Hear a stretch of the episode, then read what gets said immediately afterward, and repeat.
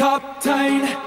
Hier op Sint Helena Eiland in die middel van die Atlantiese Oseaan sit ek in gesels in 'n radioateljee met Dion en Anita Robertse en hulle is al 'n dekade of meer op die eiland en ek begin sommer by Dion oor hoe jy hier beland het Dion. Ek het siviele ingenieurswese gestudeer, uh, gespesialiseer in materiale vir konstruksie.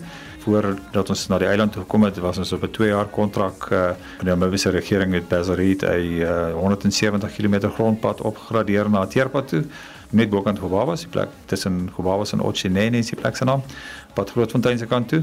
En terwyl ons daar was, toe kom sien my bestuurder my, toe het hy gesê die langer kontrakte staan my aan uh, wil ek nie oorweeg om na Sint Helena toe te kom nie. So ek het 'n bietjie met Anita se arm gedraai, bietjie meer gedraai seker normaalweg. Gewoonlik stuur die konstruksiemaatskappy vir my en Anita na die plek toe om te gaan kyk hoe lyk dit daar en dan kan jy nou besluit as jy terugkom. Obviously kon ons dit nou nie doen nie want uh ses dae met die boot en dan as die boot weer weg is dan wag jy vir 'n maand. Weer ses dae.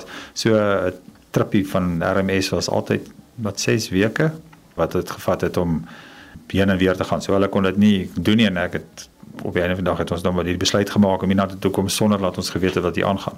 Toe jy nou weer aangekom het Anita, jy moet maar tata sê vir jou familie en jou vriende en die winkelsentrums en die geriewe, hoe vinnig het jy aangepas? Weet jy Johan, ons ek dink ons het nou dikwels al daaroor gepraat. Dit is nie vir almal nie, maar ons het gelukkig die voordeel gehad dat ons 2 jaar in Namibië gebly het wat ook nogal 'n redelike uitdaging was. Daar was tog minder goederes beskikbaar as wat reeds in Suid-Afrika was en dan is ons gelukkig nou nie mense wat vreeslik lief is vir inkopies en die tipe van ding nie. So dit het tog maar aanpassing geverg, maar jy weet jy moet maar uitvind waar moet jy die goedjies in die hande kry.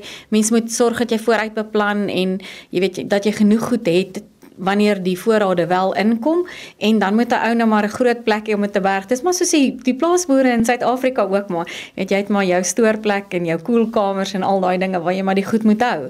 Jy het minstens 'n 6 maande aanpastyd nodig hier om gewoon te raak aan hoe dinge werk en dan moet 'n ou maar besluit of dit vir jou is of nie. Jy praat van die plaas, maar daar is die voordeel die bure langsaan is ook Afrikaanse mense, dikwels soos jy, maar nou stap jy ook in 'n vreemde gemeenskap in. Hoe het jy die saints ervaar soos hulle hulle self noem hier op Sint Helena? Hulle is 'n verskriklike vriendelike klomp mense, regtig waar hulle is, hulle is geweldig gasvry en vriendelik. Hulle hulle is hulle ontvang 'n mens baie baie vriendelik. Daar's twee radiostasies so skuins oorkant mekaar op hierdie klein eilandjie. Wat is julle radiostasie se naam en ehm um, wat doen julle? Die radiostasie se naam is South Atlantic Media Services, SAMS afgekort. Sy het 'n 3 dag pos in die week uh, om hulle finansies te doen. Soos 'n uh, vrou maar is as sy by die huis kom praat sy oor haar werk, toe sê sy sy hulle sukkel so om uh, om aanbieders te kry. Toe het ek en sy saam besluit nee, ons gaan 'n uh, radio show begin. En uh, nou 77 weke wat ons aan die gang is. Uh een keer 'n week doen ons dit op 'n maandagmiddag. Ons neem dit op uh, op 'n Sondag of op 'n Saterdagmiddag neem ons dit op. En dan uh, het ek my eie so intussen my kop in 'n wynes gesteek en besluit om my eie vroegoggend uh show te doen.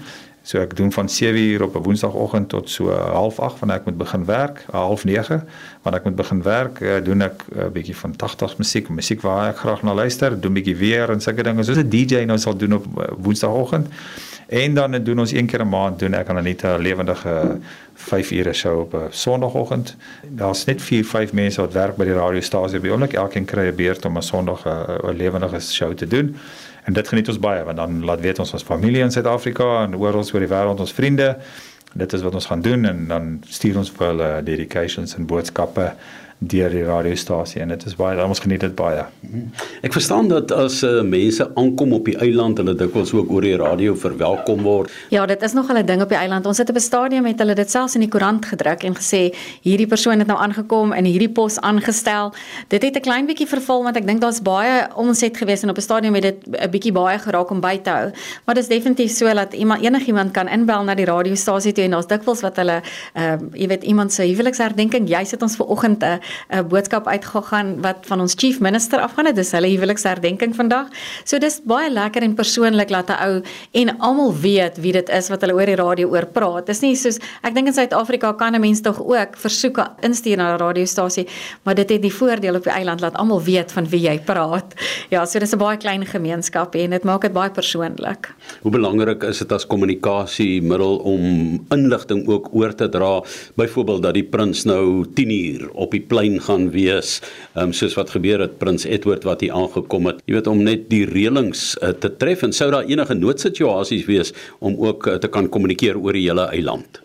Ja, ons moet um, konstant iemand hê wat op diens is wat uh, kan gekontak word as daar wel 'n noodgeval is soos jy nou sou sê dat mense definitief op die radio kan uitsaai. Dis 'n baie belangrike kommunikasiemiddel op die eiland. Kyk, ons het almal landlyne en telefone en dis meer, maar dit is een van die um, dinge wat hulle regtig waar gebruik op die eiland om mense in te lig oor enige reëlings, enige belangrike aktiwiteite wat kom, enige sosiale aktiwiteite wat aan die gang is. Dis verseker 'n manier wat hulle gebruik op die eiland om mense in te lig.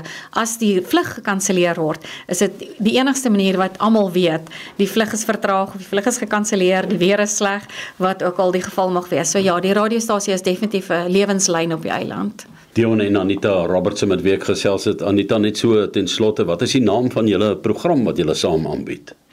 Weet jy ons het baie daaroor gedink en gesels en het ons besluit ons het dikwels goeters wat ons het het ons gemerk met 'n DNA en toe sê ons maar weet jy wat kom ons noem dit die DNA show want is Dion en Anita. So Dion en Anita. En dan ehm um, ook die DNA want ons sê altyd ons ons ons jy weet ondersoek 'n bietjie die DNA van musiek, hoe dit verander het deur die jare en so aan en dit doen ons ook in ons program. Ons gesels bietjie oor die verskillende genres, hoe dit inwerk en hoe dit verander het deur die tye. So dis nou maar hoekom ons besluit het op die DNA show. Met my woensdagoggend uh, show het ek begin om 'n paar of ander talige liedjies as Engels te speel en ek het uh, begin van die jaar toe ons terugkom het van vakansie af, het ons het ek eerste Afrikaanse liedjies gespeel, 'n bietjie koordern of koordern soos hulle dit noem en uh dit het baie goed afgegaan so ek die volgende week besluit ek gaan nog steeds by Afrikaans hou. Ek dink ek gaan van nou af uh, elke week 'n uh, Afrikaanse liedjie ingooi. Want die mense geniet die Afrikaanse musiek